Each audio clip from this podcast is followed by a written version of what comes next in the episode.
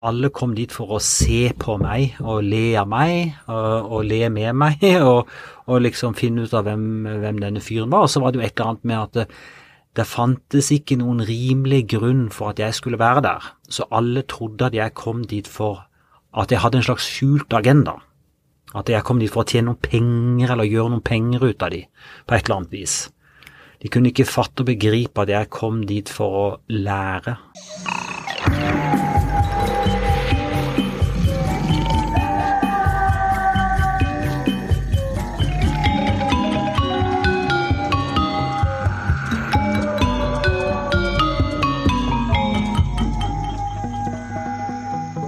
Hei sann, Rune. Hyggelig å ha deg med i Regnskogpodden. Hei. Takk for at jeg fikk komme. I likhet med et par andre gjester vi har hatt med her før, så har du også bodd i regnskogen over lengre, en lengre periode. Flere lengre perioder, egentlig. Eh, men forskjellen er at du har faktisk jobba med regnskogen som vi finner i Papua Ny-Guinea. Eh, og eh, før jeg researcha det her, så visste jeg ærlig talt ikke at det fantes en regnskog i Ny-Guinea. Eh, men ja, hva er det som er så unikt med regnskogen der, og eh, i forhold til f.eks. den vi hører om i Sør-Amerika? Ja, for det første så er det jo slik at den Altså, verdens regnskogsområder de strekker seg jo i et sånt smalt belte, for så vidt, rundt kloden, rundt ekvator. Nå ligger øya Ny-Guinea litt syd for ekvator, men innafor det som da er en sånn tropisk sone. Det som gjør dette litt spesielt, er for det første at øya er oppstått i et møte mellom to sånne teutroniske plater, um, som gjør at fjellene blir veldig høye. Og det er egentlig en relativt kort vei mellom de høyeste toppene og kysten på begge sider, kan du si. Og den sentrale fjellkjeden i øya Nygne, den er faktisk så mye som ja, jeg tror den er 1600 km lang, og med topper over 5000 meter. Altså topper som har evig snø og is.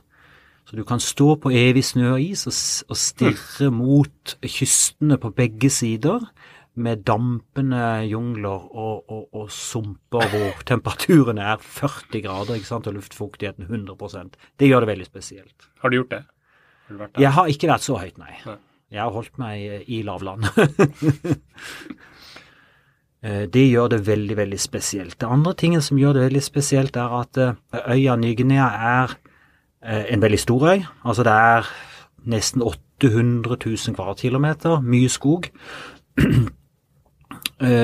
Og det er et område som har vært gjenstand for relativt lite hogst fram til nylig. Ny-Guinea var jo del av et, et, større landområde for flere titusener år siden. Eh, og eh, har vært isolert fra fastlands-Asia i svært lang tid. Sånn at det har utvikla seg en høy grad av det vi kaller endemisme. Altså dyr og planter og fugler og sånn som bare finnes på den øya. Mm. En veldig rikdom. Altså øya utgjør tja, en prosent kanskje av jordas totale flateinnhold, og så har den kanskje så mye som 6-7 prosent av verdens arter av dyr og planter. Og det gjør den jo veldig spesiell. Eh, ja, det har jo eksempel en 800 arter av, av ugler. Eh, 600-700 arter av amfibier og reptiler orkideer. 3000 arter med orkideer. 3000 arter. Og mange av dem finner du bare der? Eh, der finner du bare der, ja. Alle? Nei da, men, men, veldig mange. Det er en høy grad av endemisme. Jeg kan ikke akkurat si hvor mange. og Det skiller, det er sikkert litt forskjellig hva slags type dyr og planter vi snakker om. Så, så øya Nygne er veldig, veldig veldig spesiell. Så du er utdanna sosialantropolog? Ja, det er riktig. Og du har vært på forskningsturer i Papua Ny-Guinea og bodd med urfolk, slik jeg har forstått det? Det er også riktig. Ja. ja. Så det har blitt eh, to, to og et halvt år til sammen. Mm. Samme stammen du har bodd med der? Det er samme folka, samme landsby, eh, faktisk. Okay. Ja da, samme, mm. samme folka. Ja. ja. Hvordan var det for deg å komme dit den første gangen og flytte inn der? Nei, det var jo en, en selsom opplevelse, for å si det veldig forsiktig. Altså, jeg hadde jo uh, det, det, dette var jo før holdt på å si internettets tid. Det var jo ikke noe e-post, så sendte, jeg sendte jo brev og fikk en tillatelse. Brevet tok jo seks måneder å få et svar.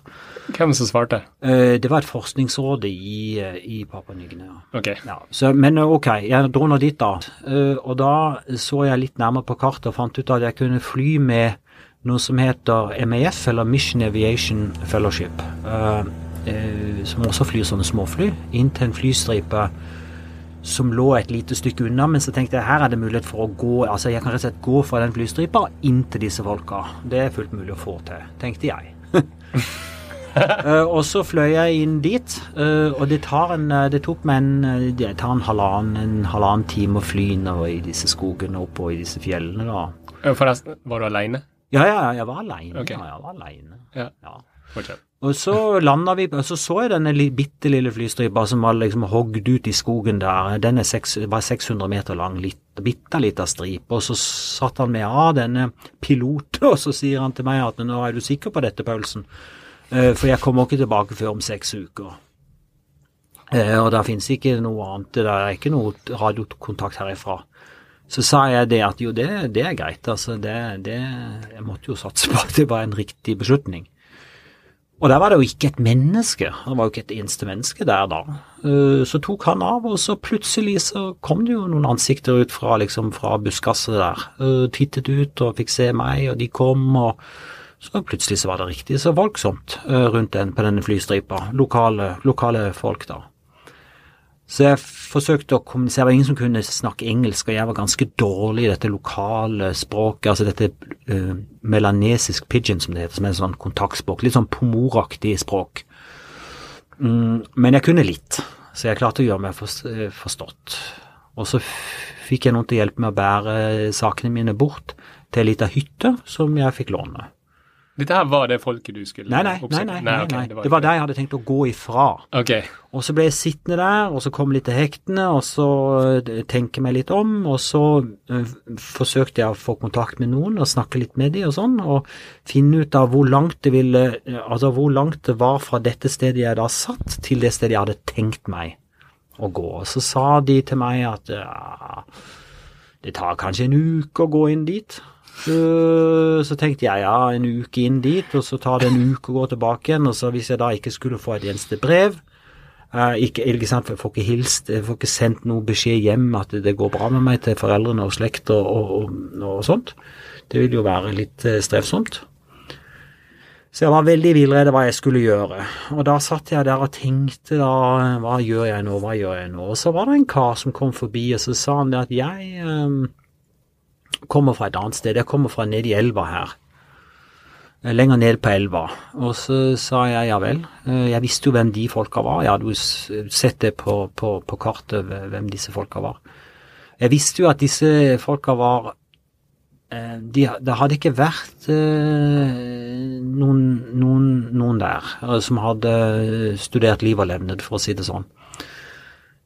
Og så hadde jeg hørt fra noen at de var litt grinete. De var rett og slett litt sånn grinete typer. Et annet urfolk? Ja, ja. Som sa, de er litt grinete, de folka nedover elva der. Så det er ikke noe å besøke. Så tenkte jeg ja, ja, da, dette er jo en god inngang. Her så må vi finne ut hvorfor disse folka er så grinte. Så jeg bestemte meg rett og slett der og da for å finne ut av hvorfor disse folka var så grinte. Og så ble jeg med denne karen da. I, i, en liten kano, og så reiste vi ned, og så satte han meg i land i en landsby, og så sier han det, dette er min far, og dette er min bror. Og så sa han til sin far og sin bror ta vare på denne karen her, jeg kommer tilbake igjen noen dager. Og, og dit ble jeg. Og sånn kom jeg dit.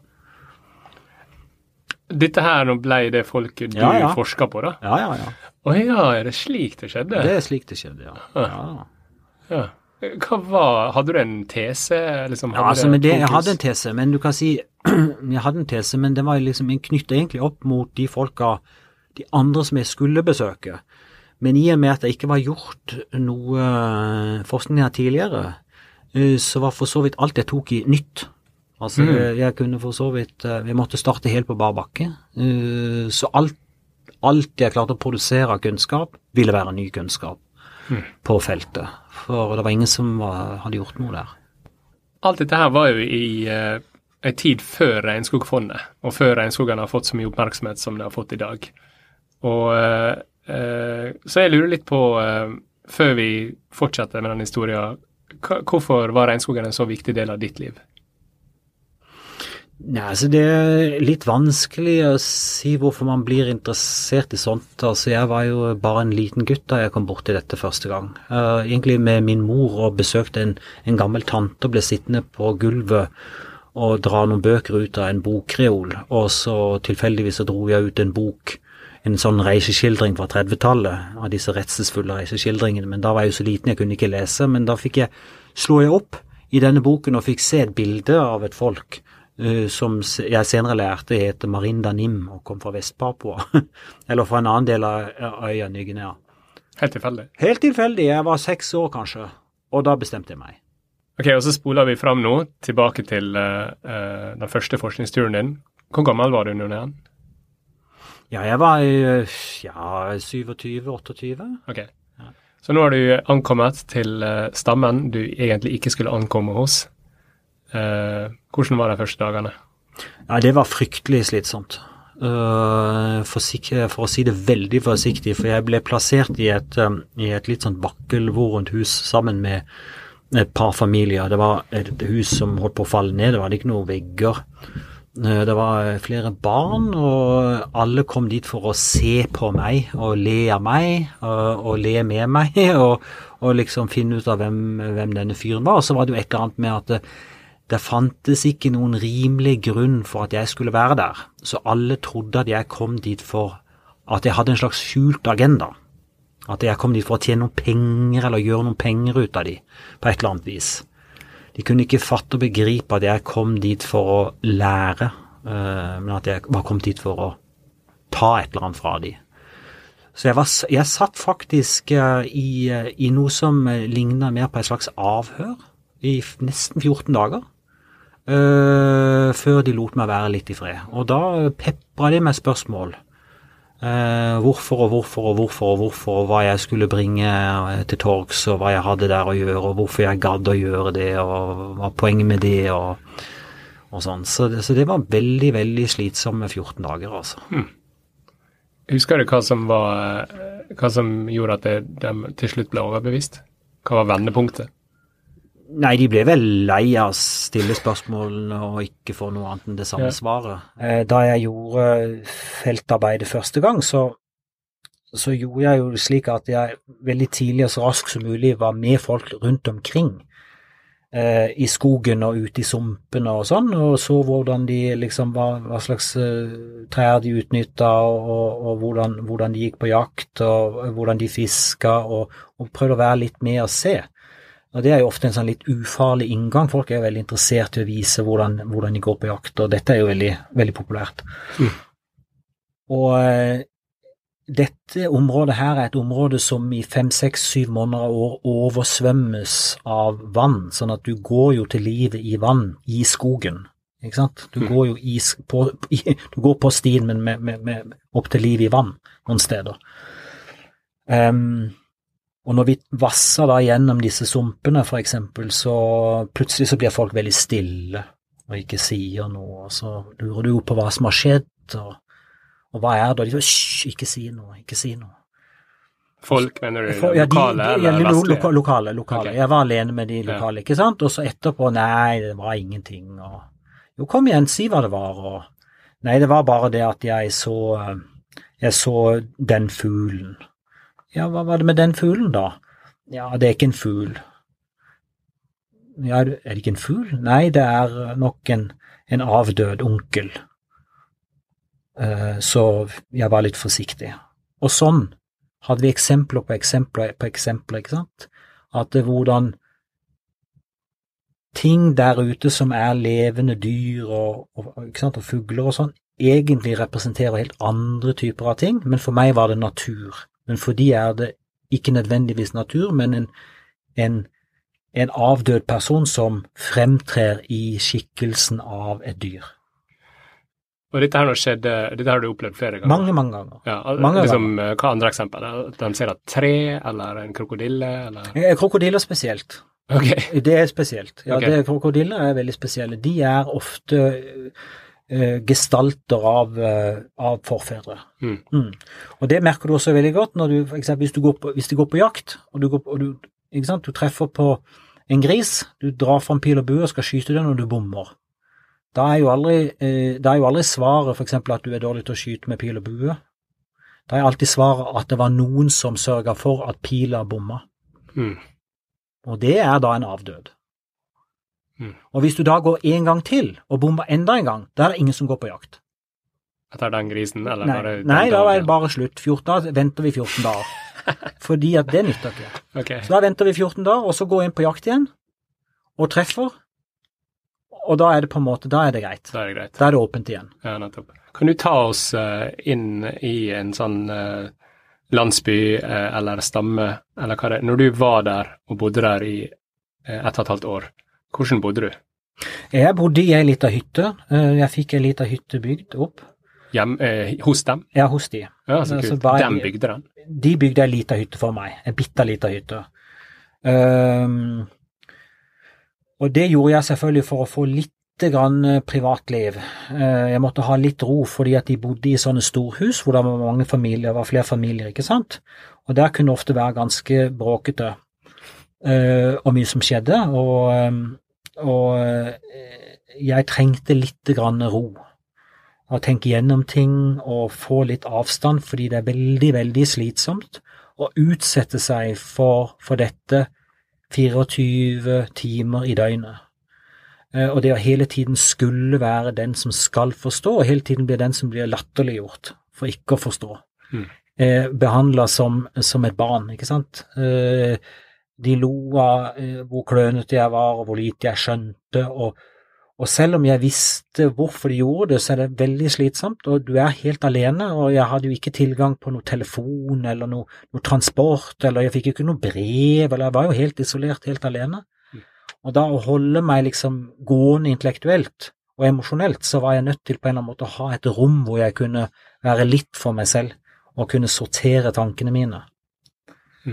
For det er klart at livet på et sånt sted, og spesielt i en sånn sump, når det begynner å regne, og det er 40 varmegrader, og regnet pøser ned, og det er milliarder av mygg og ikke noe å spise, så er det en ganske kritisk situasjon, og da må man på en eller annen måte man må ha et, et sted å, å henge seg fast.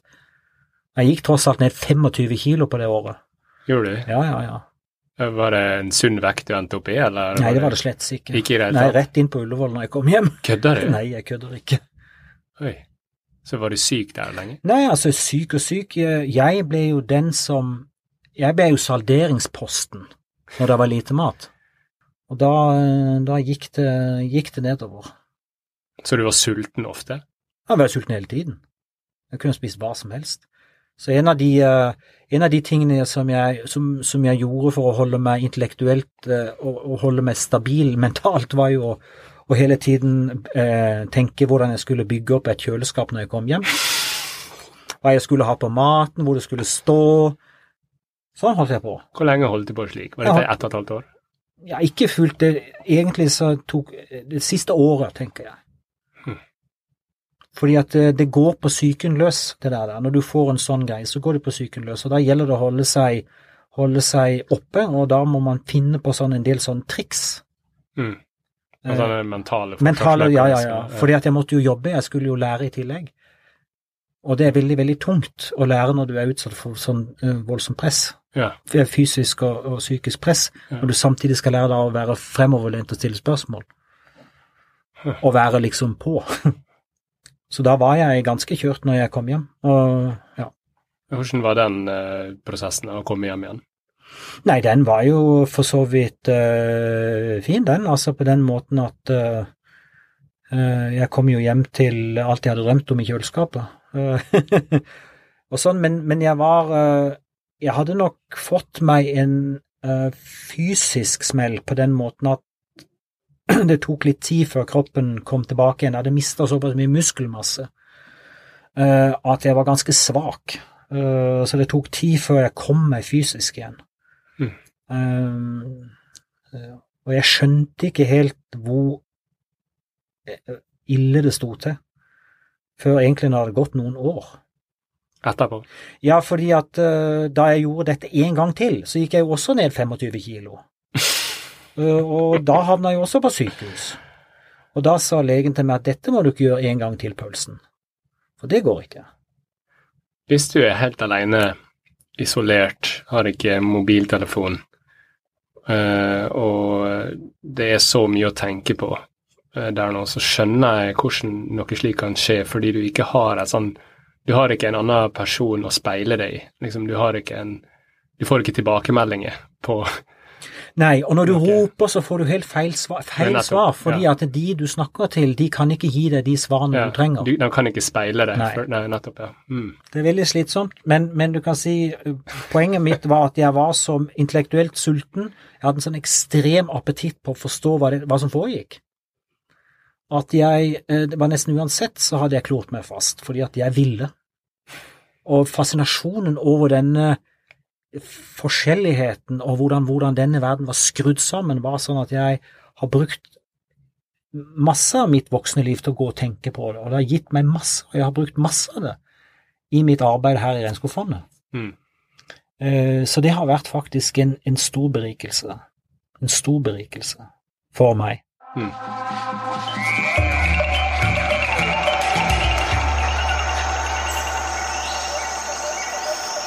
Men ja, eh, hverdagen der nå. Eh, hvordan var det å våkne der? Hvordan var det å Nei, altså Det er jo veldig avhengig av om det er regntid eller tørketid, jeg nær sagt. Altså For regntida, da er jo, da er jo landsbyen dekka den, den, står jo, disse, disse, husene står jo på påler, da, og da er, jo, da er det jo vann overalt. Ikke sant? Så skogen er jo, er jo under vann, for å si det forsiktig. Så da må man padle rundt i, i kano i landsbyen. I landsbyen? Ja, ja, ja, for dette er en sump. Og, og, og, og det regner voldsomt, ikke sant. Så da stiger elven, og så blir uh, alt skogen oversvømt. Uh, så da er det Det er ikke noe særlig. Uh, da regner det og pøser ned med regn, og det er en milliarder av mygg og, og ikke noe mat. og det er ikke noe særlig. Mens når det blir tørketid, når vi kommer utover sånn utover i april-mai og det slutter å regne og det tørker opp og sånt, så blir elva lavere og lavere og lavere og lavere, og, og, eh, og det er mer fisk å få. Og eh, folk er, folk er ofte heldigere på jaktturene sine. Så da er det mer mat. Så det der i april, mai, juni, juli og utover sånn til det begynner å regne igjen, det er ofte veldig gode måneder. Mm med nok mat, og det er tørt og fint, og sola skinner og sånt. Mm. Eh, men regntida er eh, tung. Veldig tung. Mm. Og det er årvisse, årvisse, ting. Altså dette skjer hele tiden, hvert eneste år. Så går mm. vi gjennom sånne faser. Mm. Når det du, eh, sånn som I hverdagen der, hadde du noe til å koble av med? Nei, altså jeg hadde jo et fokus, og det var jo fag. Altså, det var jo det eneste jeg hadde som fokus, det var jo faget. Å forsøke å lære, og forsøke å forstå. Så jeg brukte all min våkne tid på å lære å forstå. Uh, og så dukka jeg ned i litt sånne akademiske artikler når jeg skulle slippe unna. Uh, litt sånn dagdrømmerier og den slags type ting, da, for å komme litt bort. Mm. Men du hadde ikke liksom ei treningsrutine, eller? Eh? Nei, der fantes ikke noen treningsmuligheter der, fordi at uh, denne landsbyen lå ved en elv, og disse folka her, de driver bare og reiser rundt i kano. Så mm. det var ikke noen stier jeg kunne gå. Altså Jeg kunne ikke gå ut fra landsbyen og inn på en sti og følge en sti en kilometer, og så gå tilbake igjen. For det var ingen stier. Uh, for disse folka var fokusert mot elva. Mm. Eh, så det, det, var ikke mulig. Hvis du kommer deg ut i den skogen der uh, som var der Hvis du går 20 meter inn i skogen, så finner du ikke tilbake igjen. Når, når, du sitter og forteller om dette, her, jeg har inntrykk av at du var veldig låst til den landsbyen. Ja, jeg var helt låst. Og liksom, du var der i ett og et halvt år første gangen? Ja, jeg er 16 måneder, ja. ja og du var låst til det nye kostholdet, der ja, ja, du var sulten hele tida. og Liksom, det høres litt sånn ut som en ubehagelig tur. Var det det, eller er det slik du husker det? Eh, ja, det er nå begge deler, som jeg sa. Altså det, ja, ubehagelig, ubehagelig når det regner. Hmm. Um, og ubehagelig når uh, sykdom rammer og folk dør og det er mye mygg og ikke noe mat, og det er elendige saker, selvfølgelig. Men uh, samtidig så var det jo tørketid, og det var nok mat og nok frukt og nok av det ene og nok av det andre. og mm. Og sånn er det jo klart at Når du har fokus som jeg hadde på, på det intellektuelle og lære ting, så har jo det Det var jo liksom det som var fokuset mitt, og dermed så på en måte så, så hadde jeg jo en mission på en eller annen måte, da, som, som var intellektuelt sti, veldig stimulerende for meg. Mm. Uh, og det holdt meg oppe. Fordi at selv en katastrofesituasjon er jo for meg en situasjon hvor jeg lærer. Mm. For det er jo responsen på katastrofen som er interessant. Mm. Så selv om du sitter til halsen i katastrofen, så klarte jeg alltid å se uh, se det interessante ved den, altså interessant i gåsehudet. Mm. Det er der du finner motivasjonen det, ja, til å fortsette? Ja, ja. ja. Mm. Uh, du sa du kunne så vidt språket. Lærte du det mens du var der? Ja, det lærte jeg fort. Jeg leste Altså det er Ikke det lokale språket, det er et såkalt eh, papuansk språk. Fryktelig komplisert, veldig vanskelig å lære, så det har du ikke sjans til å lære. Men de fleste folk i Papua Ny-Guinea snakker noe som heter melanesisk pidgin, som er sånn kontaktspråk, eh, som er en sånn eh, fonetisk engelsk variant, med litt isbedd av portugisisk og tysk og, og litt sånn Hawaii og, og, mm. og Fiji og hva det nå måtte være. Um, og der er jo produsert en del skriftlige ting, så jeg brukte jo en del tid i begynnelsen på å lære å kommunisere med på det språket. Uh, og da kan jeg kommunisere med 95 okay. av folk. Ja. ja. Så du husker det språket fortsatt nå? Ja, ja, ja. ja. Jeg okay. husker det språket. Jeg bruker en del av det språket i jobben min.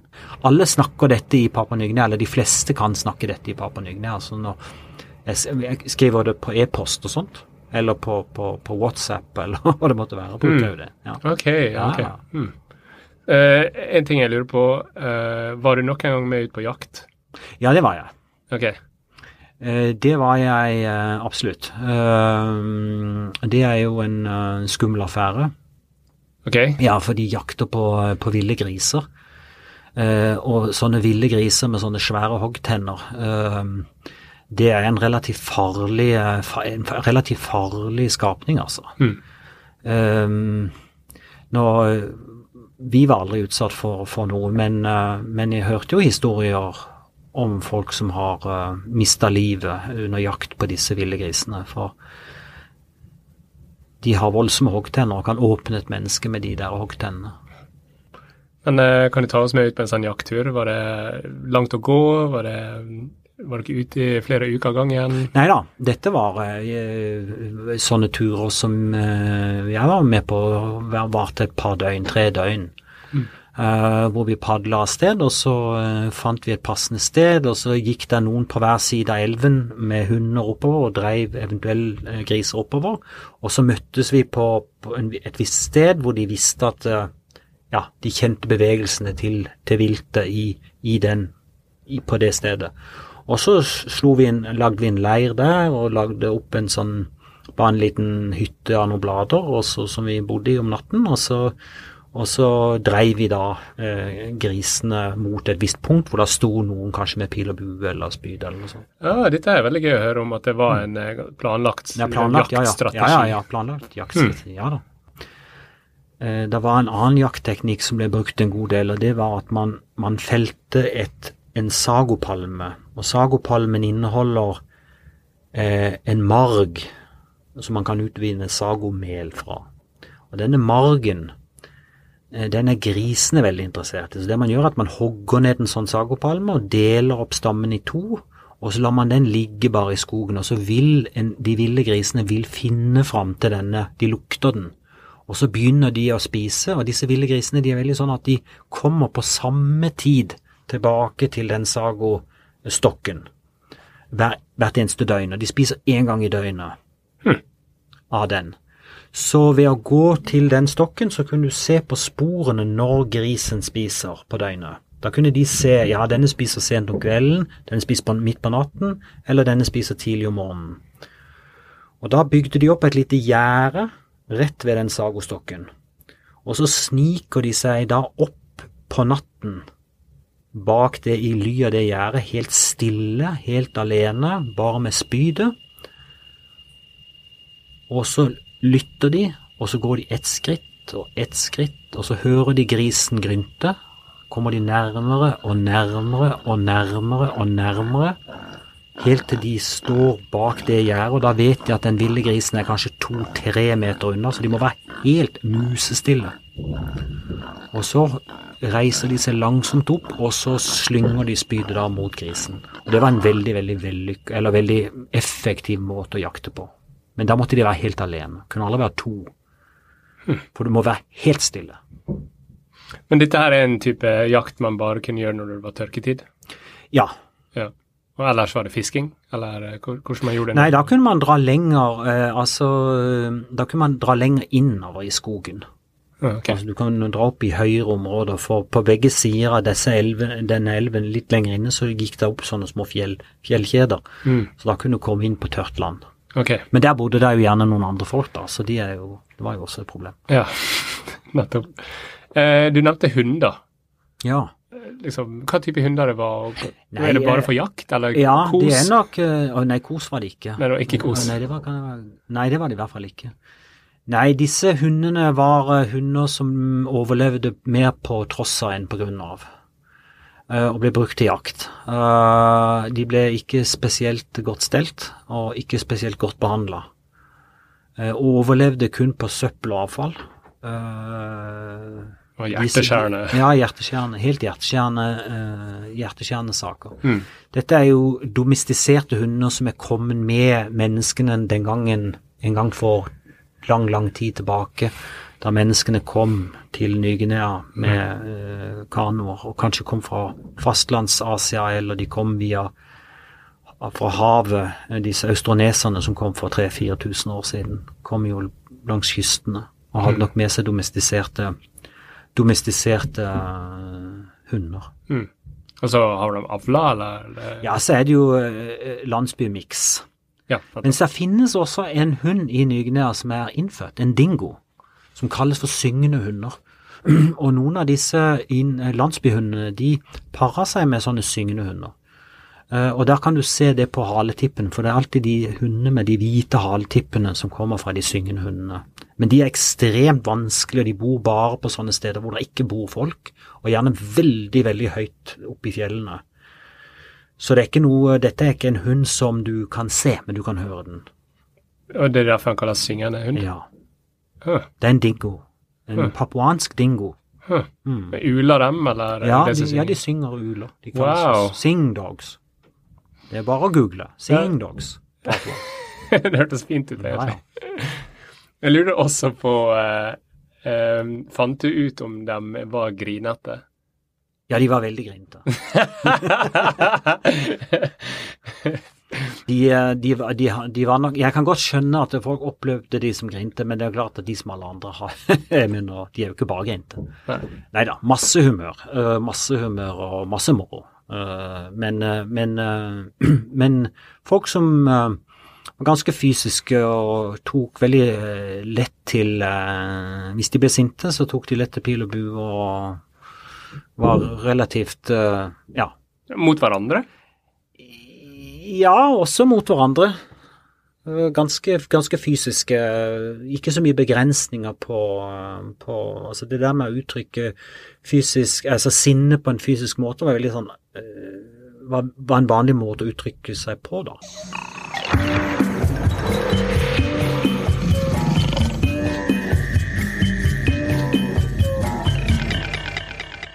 En av mine favoritting å prate om og høre om eh, når vi snakker om urfolk, er eh, skikker og ritualer og eh, sånne ting som kan virke veldig rart for oss eh, vestlige. Var det noe av det der borte?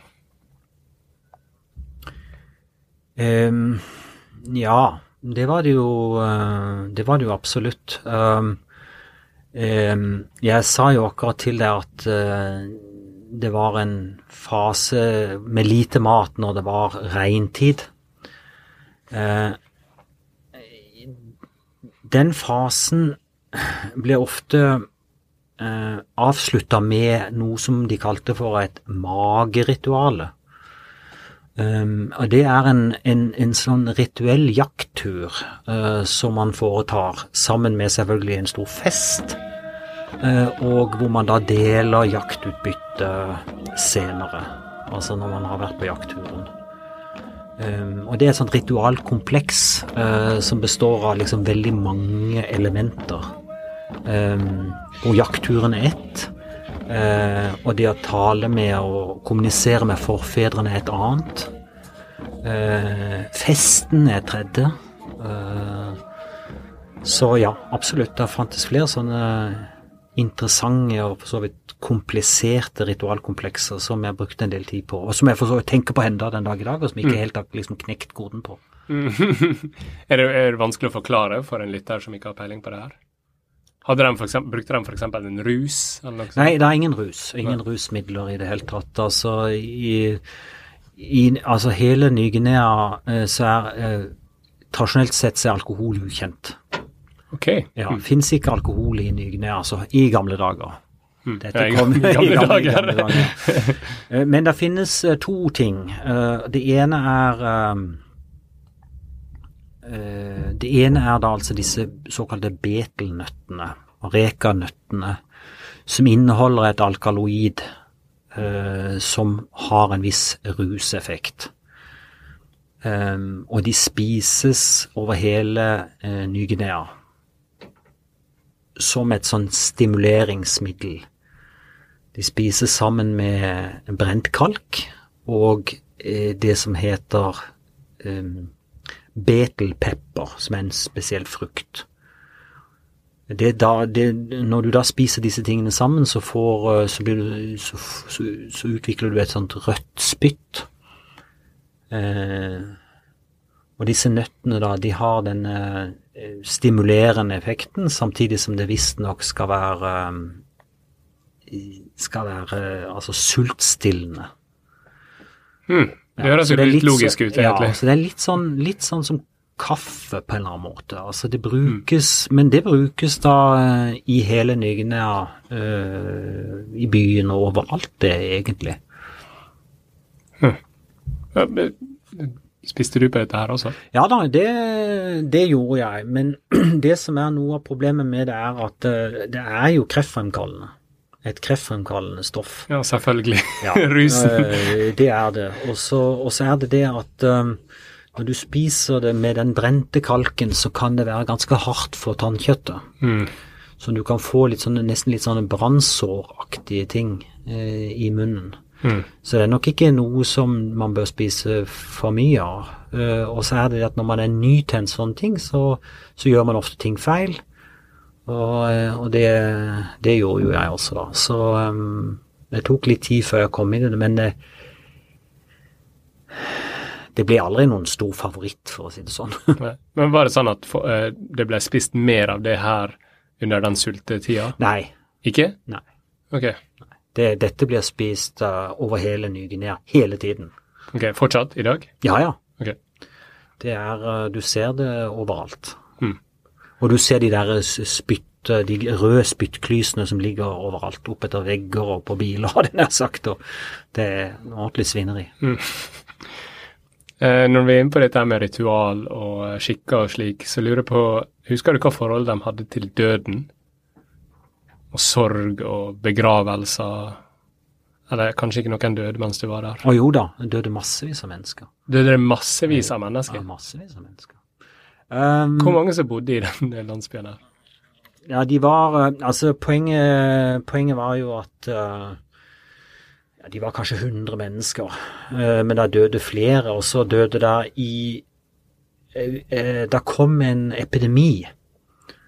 Eh, en sånn en uh, kikhosteepidemi. Og da døde alle barn under ett år. uh, langs hele elvestrekket der. Så da mista vi langs det elvestrekket nedover der, så ja, jeg tror det gikk jeg tror det var 30-35 barn ja, som døde under den epidemien. Husker du hvordan var eh, sorgprosessen i ettertid, eller hvordan de takla denne epidemien? Nei, det er klart eh, det var jo veldig mange som ble syke, og selv voksne mennesker ble jo veldig syke av dette. Eh, men det var jo eh, Vi mista de minste barna. Det var de som døde. Det var de som ikke tålte dette. Men det er klart det er leit. Men måten man ser dette på lokalt, så er det jo slik at disse små babyene, de er Det er liksom ikke blitt helt ferdige personer. Og når du ikke er helt ferdige personer, så blir ikke sorgen uh, så tung. Slik at sorgprosessene rundt dette var egentlig ekstremt korte, og selv foreldrene brukte ikke lang tid på å komme over dette. Altså det, det var litt Til og med kvinnene? Ja, altså det kunne kanskje en dag, eller noe sånt. En kveld, eller noe sånt, og så var det slutt. Mm. I hvert fall ikke som det var mulig å observere. Det var ikke noe, Hadde det vært et voksent menneske, så hadde dette tatt ukevis. Men med disse bitte, bitte små barna, så var det bare et øyeblikk, så var det over. Mm. Så eh, de, de, når barn er så små, så, så har de ikke fått navn ennå. Og de har ikke fått De oppfattes ikke som å ha fått sjel. Så de er ikke på en måte helt mennesker. Mm. Sjelen får de først i det øyeblikket de reiser seg opp på to ben. Og da først, når de får sjel og reiser på to ben og blir folk, så blir det altså, Så merker du at sorgen over tapet blir et helt annet. Mm. Hva du tror det, hva er sammenhengen her? Liksom, er, det, er det da personligheten blir utvikla, eller hva du tenker? Ja, dette er jo veldig uh, komplisert egentlig, men det har noe å gjøre med måten som de tenker seg uh, et, Liksom, hva er det som på en måte er et menneske? Du vet, her hos oss er det litt sånn at uh, vi fødes, og så, og så, er vi på en måte slags Vi er Andreas og Rune. Altså vi er, men, vi er personer, og vi har en personlighet, og vi har liksom noen vi har menneskerettigheter, og vi er, vi er ja, fra, første dag. fra første dag. Vi er mm. separate enheter. Sånn er ikke personkonstruksjonene i Nygnia. Personkonstruksjonen er ofte slik at eh, jeg vokser opp som barn, eh, og min oppvekst består i at veldig mange mennesker rundt meg gjør de riktige tingene. Ikke bare med hensyn til at de gir meg mat og sånne ting, men at de, at de følger de riktige matreglene, f.eks. At de eh, oppfører seg i forhold til eh, forfedre på en viss måte. At de overholder tabuer, etc., etc. Det gjør at jeg vokser til og blir frisk. Slik at eh, veksten fra et barn til en voksen person er ikke så mye biologisk, eller like mye eh, sosial som den er på en eller annen måte biologisk, da. Vi tenker bare vitaminer og proteiner og sånn. Får du nok av det, så vokser du ved stor. Sånn er det ikke. Her er det eh, også folks sosiale handlinger som virker inn på din fysiske vekst. Og konsekvensen av dette er jo alltid at eh, hvis noen blir syke, så ser man jo aldri etter bakterier, men man ser, finner en sosial grunn. Det er alltid en sosial årsak til sykdom. Hmm. Ja, altså Pandemien, for eksempel. Ja, pandemien. Nei, epidemien. Ja, epidemien, men da er de så små. Okay. det, hadde det vært en, en, en, et, et, vanlig et barn eller eh, liksom en syv-åtteåring eller et voksen menneske, så hadde de sagt hva har skjedd, ikke sant? Har vedkommende vært i nærheten av et sted han ikke burde være? Er det noen som har gjort et eller annet som han ikke burde gjøre? Har en onkel vært uforsiktig i omgang med noen spirits? Uh, altså, ikke sant, Det er en masse grunner til at vedkommende kan ha blitt sykt, og så leter man opp disse grunnene. I det sosiale? I det sosiale feltet. Ja, Ikke i det biologiske? Ikke sånn i det biologiske feltet, nei. Okay. Sykdom har ingenting med bakterier å gjøre, for bakterier er et ukjent begrep. Ikke sant? Mm. Bakterier og virus er et ukjent begrep, og da må man lete etter sykdom et annet sted. og Dette knytter an da til, det, til disse sosiale nettverkene. Ja, og, og når du sier sosiale, så mener du også da forholdet de har til det åndelige. Selvfølgelig. Ja, ok, selvfølgelig. Ja, eller Ja. ja. ja ok. Ja. Så. En, så, åndelighet er en veldig viktig del av uh, livet der borte? Ja, i hvert fall den måten som uh, Altså, vi skiller jo veldig av disse to sfærene, ikke sant? Liksom, vi som er vi, ja, vi, vi, vi, som, vi, vi, som sitter her i dette rommet. Ja.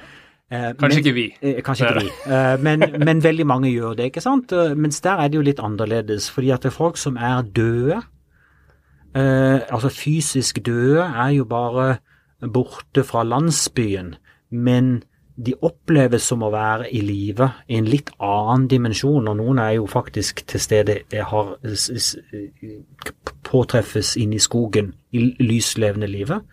Sånn at de er med deg hele tiden. Du drømmer om de, og det er fordi de snakker til deg. Så de lever. Og de som levde for lenge, lenge siden, de er også like mye til stede i dag som de var før. Det er bare de er en litt annen dimensjon. Og de som levde før, de kommer igjen i de nye som er født. Og dermed så får du babyer som ligner på sine besteforeldre og sine oldeforeldre. ikke sant? Mm. Det er de samme ansiktene som brukes om igjen og om igjen, på en eller annen måte. Mm. Sånn at du, de skiller ikke Det å, det å dø er ikke egentlig noen katastrofe. Det er bare en litt annen type dimensjon, så folk er ikke veldig redde for det. Mm. De er ikke redde for det i det hele tatt, faktisk, å, å dø. For du, du bare går litt over en litt annen måte å være på. Hvordan var det for din del å oppleve død på den måten, og ikke minst sorg på den måten du snakker om nå? Eh, med tanke på at du har vokst opp i Norge og opplevd sorg på den katastrofale måten. Ja, nei, jeg, jeg har ofte tenkt på at uh, den måten som disse menneskene sørger på, er på en måte en, en veldig riktig måte å sørge på. Fordi at når noen går bort, så går de veldig inn i sorgen, ikke sant. Det er ingen ingen begrensning, du legger ingen begrensninger på deg selv og måten du uttrykker sorgen på. Du uttrykker ditt raseri og din frustrasjon og din sorg eh, gjennom å rive ting i filler og skrike og rope og, og, og, gå helt ut av ditt gode skinn. Så folk er veldig i sorgen og lever, lever sorgen ut 100% og er i sorgen i ukevis helt til den er ferdig. Ikke sant? Eh, så det er en sånn katarsis. ikke sant? Det er ikke Mm, noe, en renselse. En renselse. Ja. Folk går veldig inn i det og tar det på det dypeste alvor, og alle tar det på det dypeste alvor. Eh, har du vært der når noen har observert en sånn ånd og snakka om det, eller liksom Hvordan oppleves en ånd? Ja. Altså, det er jo ingen ånd. Det er jo en forfar, eller en Ja. formor, eller en, ikke sant, en, en, en oldefar, en tippoldefar, en tipp-tipp-tippoldefar. Eh, som har eh, en, et fysisk utseende. Eh, og måten du beskriver det fysiske utseendet på, hvis du drømmer eksempel, eh, og du sier at eh, det, var en fyr i hytta mi i, i natt, og han var så så svær, og da sier du å ja, det var han, og det var han, og det var han. Han var så stor. ja, han hadde sånne lange ben. Eller han var så brei over skuldrene, eller ja, det er typisk han. Han, ikke sant? Uh, og det er ingenting å være redd for, for han er helt kul. Han kom bare for å passe på oss. Det er ingenting å bry seg om. Du må bare være glad at han sitter og passer på deg om natta. Så de kunne være redd for dem? Det kunne være hjemsøking og slik? Ja, altså, de, disse forfedrene våre, altså, mi, altså våre forfedre i landsbyen, de er jo for å passe på oss. Så når de dukker opp om natten i, i, i at du føler deres nærvær, så er det ingenting å være redd for. Hadde man da derimot vært i en annen landsby, og det hadde dukket opp noen, så hadde det jo antageligvis ikke vært våre forfedre og mye mer å være liksom litt engstelig for. Eh, ok, Vi kan eh, skifte litt uh, gir her nå, fordi når jeg researcha til denne episoden her, uh, kom jeg over et par skikkelig urovekkende historier om urfolk og, som selger skogen, skogområdet, enorme områder, for en slikk og en ingenting. Eh, hva er det handler om? Ja, i, uh, i Ny-Guinea så handler jo det om egentlig eh, noe som er eh, ganske prosaisk på mange vis. Fordi eh, da disse menneskene ble lagt under såkalt administrativ kontroll av den australske kolonialadministrasjonen eh, før og under og etter andre verdenskrig, så var jo dette Så var jo verden Ideen var jo å bringe sivilisasjon og fremskritt til disse menneskene. Så en av de tingene de spredte, var jo selvfølgelig ideen om, om fremskrittet og utvikling. Eh, og utvikling besto for disse menneskene da i, i massevis av fysiske ting, i gjenstander. Um, og, og, og, biler og, og fly og, klær og kniver og rifler og alle sånne fysiske gjenstander.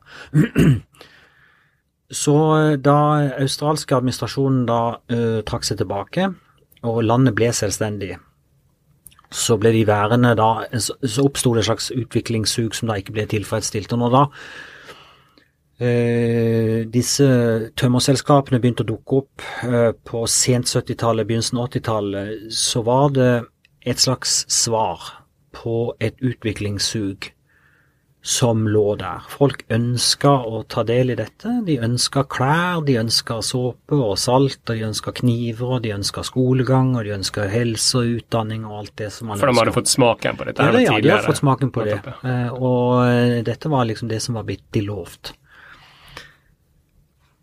Og i De hadde da på det tidspunktet ingen mulighet for å vurdere hvorvidt det tømmerselskap snakker sant eller usant, og hva som var deres intensjoner. De var jo vant med den australske administrasjonen, og tok for god fisk at de kunne bytte tømmer mot, mot uh, såkalt utvikling, hva det nå enn det måtte være. Senere har det jo vist seg at det nok ikke var helt sånn som det var tenkt. Uh, selskapene var jo ikke interessert i å betale noe mer for tømmeret enn det de måtte. Tømmerveiene inn i skogen var jo midlertidige tømmerveier som bare varer akkurat så lenge som tømmerdriften pågår, og ellers går det i oppløsning, for her er det jo regntis, og det vaskes ut. Det ble ingen hospitaler, det ble ingen skoler. Det ble ingenting av det som folk hadde ønska. Men eh, tømmerselskapene beveger seg jo fra område til område, og gjør dette på nøyaktig samme vis den dag i dag som de gjorde for 30 år siden. Og på den måten så har de mulighet for å lure til seg disse tømmerressursene. Og betale med veldig lite? Betale, ja. De betaler jo eh, De er jo pålagt å betale en viss, en viss sum per kubikk, litt avhengig av hva slags tømmer det er. Og i, i, noen steder så gjør de sikkert det, men det er jo bare en brøkdel av det tømmeret er verdt. Og eh, det finnes jo ingen invester... Altså folk, bruker, folk har jo ingen mulighet for å Altså pengene bruker de jo på selskapets butikk til konsumgoder. Altså nudler, øl og den type ting, ikke sant. Så om du tjener 100 kroner på en dag, så bruker du 100 kroner på øl og, og nudler. Og da er på en måte hele poenget borte. Så eh, det er det urfolket gjør? Ja. De kjøper nudler og øl? Ja, nudler og øl, og forbruk, forbruker det. Sånn at det blir jo ikke investert i helse og utdanning. Nei. Nei. Huh. Og da gjerne til inflaterte priser, for det er selskapets egen butikk. Ja. ja. Mm. Er det andre ting du har hørt, sånn historie om hva urfolk ender opp med ja, de ender jo ikke opp eh, i noe annet enn fattigdom. Altså det er jo, De blir jo bare fattigere. De mister jo tilgang på ressursene sine, og de mister jo ressursene sine. Eh, elvene blir jo ødelagt, elvene blir forurensa, eh, viltet jages bort. Hmm. Det er jo bare elendighet som er konsekvensen av dette. Er det alkoholisme og sånn også? Det... Ja, alkoholisme er jo et, et, problem på den måten at de blir introdusert for alkohol, og så begynner de å brygge gjerne noe alkohol selv. Eh, det finnes mange lokale varianter som, når de bare skjønner poenget, så begynner de å brygge det selv, og det er eh, farlige saker, for der har de forskjellige ting eh, som de tror er veldig potent. Altså vaskepulver og, og, og, og og avløpsrens og batterisyre og alt sånt som er litt sterkt. Og det er jo ikke noe særlig for, eh, for indre organer, for å si det forsiktig. Mm. Og så er det det at uh, disse menneskene er jo ikke vant til alkohol, og det er klart at det, det fører til veldig mye vold mot kvinner. Mm. Massivt med vold mot kvinner og barn. Eh, og det er et stort og økende problem. Slik jeg har forstått det, så har dere jobba også med å prøve å løse dette problemet her nå, eh, gjennom utdanning? Ja, vi har jo gjort for så vidt uh, relativt mange ting, men en av de tingene som har vært liksom grunnlaget for mye av det vi har gjort i Ny-Guinea, har jo vært med et utgangspunkt i at folk skal selv få lov til å ta noen handlings... gjøre noen valg om sin egen framtid basert på det som er på en måte riktig eller sant. Altså, hvis du velger å, å, å si ja til et tømmerselskap, så er det for så vidt ditt valg, men det må jo tas, det valget må jo tas basert på kunnskap om hva som faktisk foregår, slik at du tar det reelle valg. Og det er ikke alltid så lett å overføre en del sånn kunnskap um, i sånne befolkninger. Så vi har brukt en del eh, tid på å utvikle måter å snakke om dette på, som gjør at folk eh, får den kunnskapen som er nødvendig for nettopp å ta sånne informerte valg. Og det viser seg eh, gang på gang på gang at når folk først får denne kunnskapen og skjønner hva, hva slags mekanisme som, som, er i gang her, så, så, velger de annerledes. Så er de ikke interessert i denne tømmerhogsten, for de vet at de blir lurt. Og det vil jo ikke bli. Ingen vil jo bli det. Mm. Så det har vært en viktig, eh, en viktig drivkraft for oss. Ja, Og få dem til å skjønne konsekvensene av disse her valgene. Altså, vi, vi kan jo ikke bestemme hva de skal gjøre med sin skog. Mm.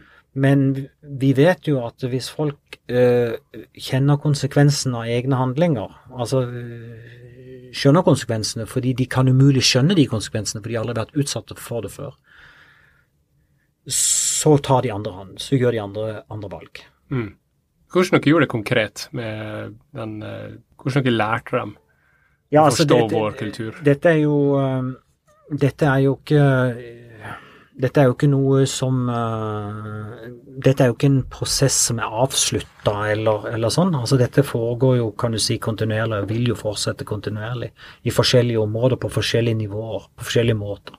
Litt avhengig av hva som er den lokale situasjonen. Mm. Men vi hadde ett eksempel, uh, av, et eksempel uh, som jeg kjenner ganske godt, og som, hvor folk sto overfor dette valget skal vi invitere inn en oljepalmeplantasje, eller et oljepalmeselskap som kan eh, hogge skogen og plante, plan, plante oljepalmer, eller skal vi ikke? Da sier eh, noen at la oss gjøre det, for da får vi lønnsarbeid, og da tjener vi penger, og da kan vi gå i butikken og handle. Og så sier noen andre eh, nei, det kan vi ikke gjøre, for da skjer det og det og det. Og da er det et ønske fra lokalbefolkningen om å finne ut hva er det som er på en måte greia her. og da bygde vi opp et sånn et uh, relativt omfattende opplærings... Uh, uh, utdanningsopplegg gjennom Operasjon Dagsverk. Operasjon Dagsverk-midler eh, som hadde i seg mange elementer som gikk både på det å lese og skrive, men også dette med å tilegne seg en ny type kunnskap. Vi lagde, eh, vi lagde teater, vi lagde, eh, vi lagde posters, eh, vi lagde mange forskjellige måter å kommunisere et eller annet budskap på. Eh, vi eksponerte folk for eh, områder som hadde hatt hogst. Um, og de brukte årevis på å diskutere seg gjennom alle disse tingene, før de endelig kom til en konklusjon at dette vil vi ikke. Så de brukte lang tid på å komme til en sånn konklusjon. Men den konklusjonen da var basert på eh, eh, altså uendelig lange interne diskusjoner i husholdningene, i felleshusene, ute på plassene, i hagene, på festene, i bryllupene, år etter år etter år, så følte man at man hadde nok kunnskap til å ta en beslutning om at nei, dette er ikke en utviklingsvei vi ønsker, vi ønsker en annen utviklingsvei. Vi ønsker ikke dette. Vi ønsker å bruke ressursene våre på en annen måte. Mm, så de må ta litt mer eierskap til sin egen livsstil? Og... Absolutt. Mm. Så det er den utviklinga du ser nå? Den utviklingen uh, ser jeg i det området. Andre, I det området. Men dette er jo et lite område sammenlignet med Altså, vi har jo få ressurser sammenlignet med tømmerselskapene. Mm.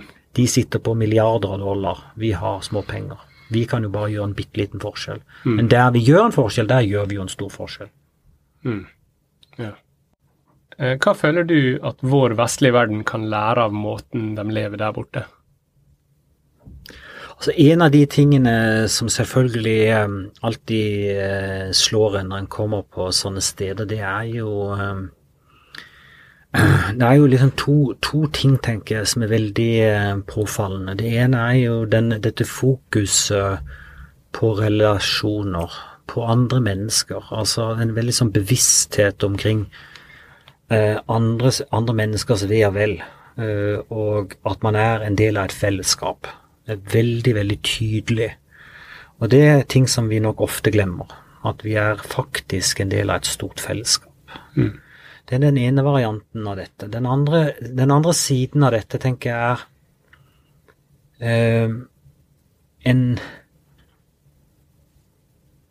en evne til å liksom la dagene få lov til å begynne litt. Altså at man ikke strever så veldig med å komme i gang med saker og ting, men, men, men dagen har litt sånn sin egen rytme. At man har litt mer rom, litt mer tid til refleksjon, har litt mer tid til å være sammen. Altså ja, man skal gjøre tingene sine, man skal gjøre jobben sin, og man skal liksom plante hagen sin, og man skal høste sagoen sin, og man skal gjøre alle disse tingene, og man skal bygge hus og alt dette. Men samtidig så har man alltid rom til å sette seg ned. Kommer noen på besøk, så vil det alltid få forrang framfor noe som må gjøres. Så gjør man det man må gjøre dagen etter, eller om ettermiddagen, eller senere, ikke sant? Dermed så, så, får, så får det en slags ro, en rytme over dagliglivet som jeg tror vi kunne trenge en del av her hjemme. Altså Her blir det veldig hektisk, og det blir klokka som styrer, og, og vi løper som i et hamsterhjul, alle Mm. sammen. Mm. Mens der er det der er en, en, en, en, roligere rytme over ting. På godt og vondt, selvfølgelig, men Ja. Vi har jo et veldig sånn anstrengt forhold til tid. absolutt. Eh, eh, men tid, eh, deres forhold til tid var kanskje mer sånn sesongbasert, eh, syklusbasert, eller Ja, det er sesong- og syklusbaserte. mm. Det er det som vi kaller ofte for sånne sirkulære tidsoppfatninger. Mm, ja. En annen måte å stille spørsmålet om hva vi kunne lært av dem, er hvordan du føler at du har blitt forma av din tid på eh, Papua Ny-Guinea. Ja, Det er ikke noe lett spørsmål å svare på. Eh, dette har vært med meg for så vidt eh, gjennom hele livet. Nei, det er et eller annet med at eh, kunnskapen som jeg erverver meg, eller som jeg for så vidt har forsøkt, altså alt det jeg har forsøkt å forstå av det som er så radikalt annerledes, har satt meg i en sånn tilskuerposisjon. Og jeg har blitt veldig sånn overraska over og egentlig slått av kompleksiteten og det fascinerende ved den verden som er rundt oss. Dette er jo ett eksempel på en eller annen type veldig annerledeshet, og det er en veldig sånn kontrast til våre egne, egne liv og vår egen måte å leve i verden på. Men det er jo bare én av hva var det jeg sa, 860 språk i Ny-Guinea, eller i Papua Ny-Guinea. Eh, og det, alle disse språkene representerer sånn ulike små universer. Og, og ulike måter å leve og være i verden på. Det gir en sånn helt kakofoni av forskjellighet. Og det er veldig veldig fascinerende og gjør livene våre veldig, altså gjør livene våre veldig rike. da. Og det å anstrenge seg litt for å forsøke å sette seg inn i dette, eh, tenker jeg er en, en veldig fin ting, for da blir man mer ydmyk overfor andre måter å leve livet på, og andre måter å være i verden på, og andre, andre, må, andre folks eh, måter å verdsette ting på. Og man ser at eh, ens egne verdier og ens egne måter å gjøre ting på kun er bare ett, én måte å gjøre det på, og ikke måten. Mm. Og det er jo ofte det som preger oss, det er jo nettopp at vi er på en måte vi er på en måte sjablongen som alle andre skal passe inn i. Mens det vi er, er jo bare rett og slett et eksempel på lik linje med alle mulige andre. Mm. Og så har vi brukt masse, vi har brukt hundrevis av år i Vesten på å tvinge folk inn i vår sjablong. For det, for det er liksom måten å leve på. Det er måten å, å, å tenke på, måten, og dette skal vi tro på, og sånn er det. Mm. Mens, mens verden er jo enormt mangfoldig og, og rik og fargerik. Mm. Finnes det ukontakta stammer? For Papua Nei, Ny-Guinea? Ikke i Papua Ny-Guinea, men i den, på den andre siden av eh, grensen, altså det som er den indonesiske delen av øya Ny-Guinea, så sies det å være noen folk som ikke er i kontakt med. Men dette er jo ting som jeg ikke vet noe om. Eh, og det kan godt være at det er sant, og det kan godt være at det ikke er sant. Ok, Så det er ingen stamme dere liksom vet er der, men ikke tør å kontakte? Nei, det er sånn at hvis kunnskapen om sånne folk, da vil misjonærene være på plass veldig kjapt. Eh, og uh, og iallfall indonesisk eh, administrasjon vil være på plass relativt kjapt. Så det å ikke vite noe som helst om dem, er det beste for dem? Virker det sånn? Det kommer jo litt an på perspektivet ditt, da. Ok. Eh, Noen, jo, noen er jo av den oppfatning at disse menneskene må bringes inn i den store folden. Eh, Og bringes da inn i et slags eh, nasjonalt fellesskap, og det er det beste for de eh, på lang sikt. Andre er jo av en annen oppfatning. Um, Misjonærer, for eksempel? ja, misjonærer vil jo se på dette som tapte sjeler som uh, må frelses. Så enkelt og så komplisert er det. Og eh, eh, mange, ad, mange som jobber i administrasjonen i disse landene, vil jo synes det er pinlig å ha sånne folk eh, gående rundt. Som ikke har på seg klær og, og sånt. Ah, det, Ja. så det er en greie? Er det, det er en problem? greie. Det er absolutt en greie. En svær greie. Huh. Svær greie. Er det fordi de har lyst til å være et uh, mer eh, Et land med mer utvikling? Ja, liksom? selvfølgelig. Ja. Sånn at de sitter Mange sitter nok med en sånn en, eh, hva skal vi si, en sånn, et, et mindreverdighetskompleks i forhold til dette. Og, eh, og, og benekte, ikke sant. De er blitt, blitt lært opp av uh, misjonen ganske systematisk over tid. Uh, hvordan dette er og ikke er. Så de sitter med et voldsomt mindreverdighetskompleks.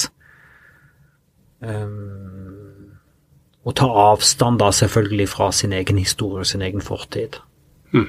Og kunnskapen er veldig, veldig spredt nå, ikke sant. Folk vil, vil helst ikke snakke om det. Og det glemmes veldig, veldig raskt hvordan det var bare for 50 år siden. Rune Paulsen, det har vært veldig spennende og gøy å sitte og høre på. Eh, som avslutning så lurte jeg på om du kunne Hva heter det lingua franca-språket? Det kalles for melanesisk pidgin. Ja. Kan du si noe til oss eh, som avslutning? Ja, hva da? Eh, takk for oss. Thank you, Tro. Sjøl takk. Rune Paulsen, alle sammen.